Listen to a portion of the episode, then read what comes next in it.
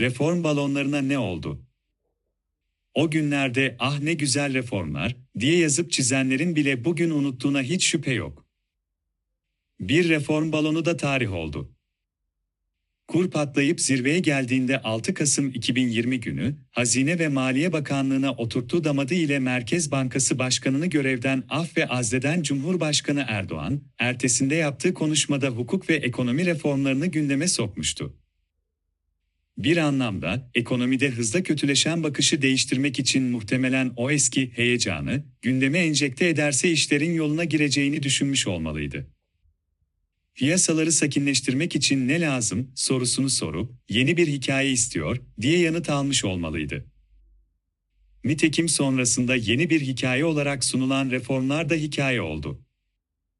Erdoğan 13 Kasım 2020'de şu açıklamayı yapıyordu. Bakanlıklarımız ve kurumlarımız yanında ilgili tüm kesimlerle yakın diyalog ve işbirliği halinde ülkemizde ekonomide ve hukukta yeni bir reform dönemi başlatıyoruz ekonomisi güçlü olmayan bir ülkenin diğer alanlardaki kazanımlarını koruyamayacağının bilinciyle yeni bir istikrar, büyüme ve istihdam odaklı seferberlik başlatıyoruz. Derken, izleyen dönemde de tekrarlamış, inşallah 2021 yılı milletimize söz verdiğimiz gibi demokratik ve ekonomik reformlar yılı olacaktır, demişti. Reform havucu Aradan 3 ay zaman geçip Mart ayına gelindiğinde, bunun bir taktik zaman kazanma çabası olduğu çok da geçmeden anlaşıldı. Reform denildikten sonra 3 ay geçip de mali piyasa sakinleşmesi sona erip TL'nin yeniden değer kaybetmeye başlamasıyla reformlar akla gelmiş, yeniden gündeme alınmıştı. Sonra bir dizi reform maddeleri ilan edildi, hiçbirinin demokratik reformlarla ilgisi yoktu, olmadı da. Hala mahkemelere siyasi direktif veriliyor, bırakın reformları mevcut kanun ve kurallar dahilinde, kanun yapıcı meclis tarafından iç hukuk haline getirilmiş Avrupa İnsan Hakları Mahkemesi kararlarının çöpe atıldığı, hukukun çiğnendiği bir süreç devam ediyor.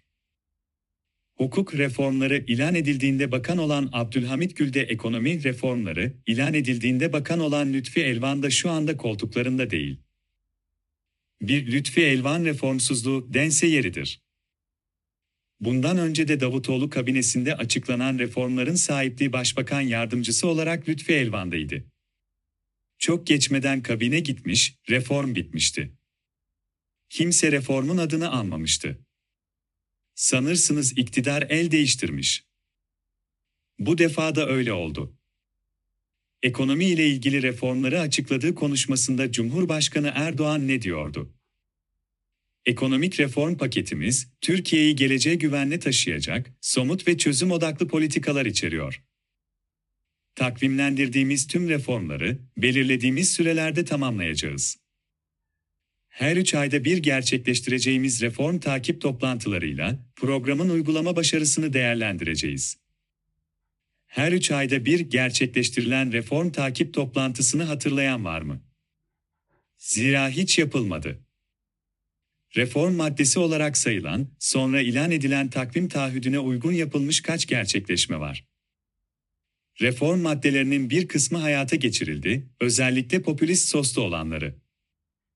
Örneğin 850 bin esnaf gelir vergisinden muaf tutularak, beyan yükümlülükleri hemen kaldırıldı. Bakan gitti reform bitti. Reform kamuoyuna sunulmuş, ambalajlı havuçtu, bakanlar da gitti, reform da bitti. Örneğin bunlardan biri, kamu maliyesi raporunun çıkarılması ve 3 ayda bir yayınlanmasıydı. Ki rapor yayımlandı. 6,5 aydır yayımlanmıyor. Elvan'ın yerine gelen Bakan Nebati Cumhurbaşkanı'nın ilan ettiği reformu rafa mı kaldırmış oldu?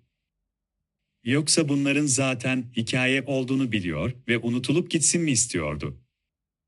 Hayata geçirilenlerin kaçı düzgün biçimde işletiliyor? Örneğin bunlardan biri de TÜİK'in ilişkili kuruluş yapısına dönüştürülerek kağıt üstünde siyasi direktif altında çalışan kurum olmaktan çıkarılmasıydı. Hayata geçirildi. Ama sonra ne oldu? Çok geçmeden başkanı görevden alındı. Sorarsanız reform var, siyasi direktif altında olmaktan çıkarıldı. Toplam borç stoku içinde döviz cinsi borçların payı azaltılacaktır, deniliyordu, kamu borçlanmalarında bu yapmaya çalışıldı. Ancak sonra ne oldu?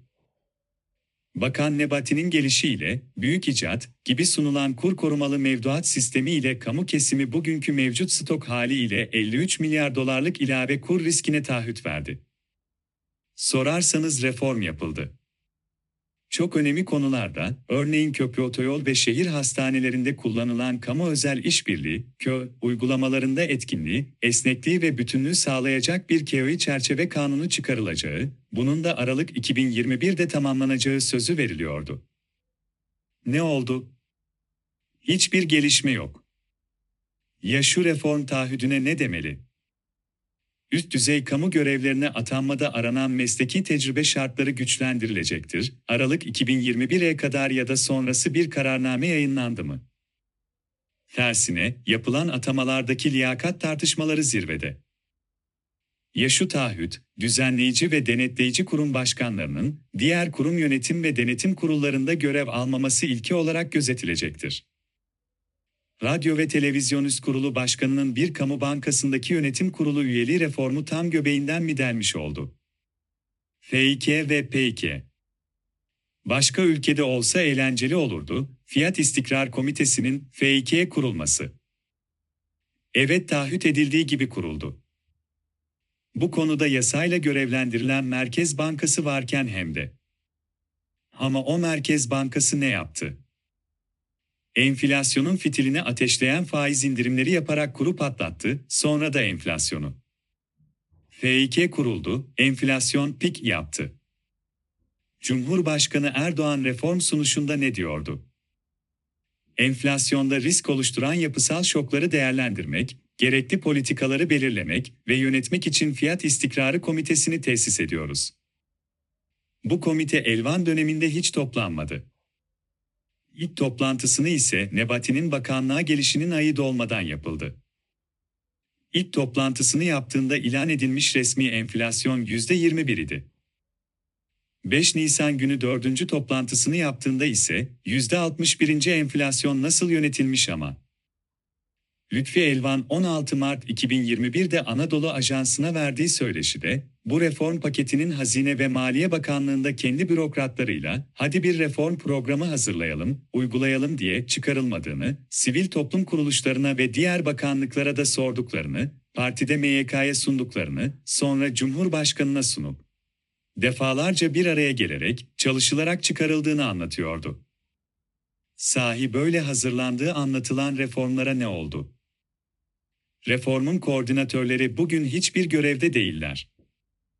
Ama ya diğerleri? Reformların çivisi.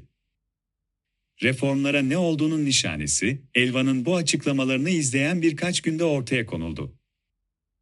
Cumhurbaşkanı Erdoğan 12 Mart 2021'de ekonomi reformunu ilan ediyor, 16 Mart günü Elvan Anadolu Ajansı'na konuşup açıklamalar yapıyor, 23 Mart günü de bu reformların eylem planını içeren Takvim Hazine ve Maliye Bakanlığı'nca ilan ediliyordu.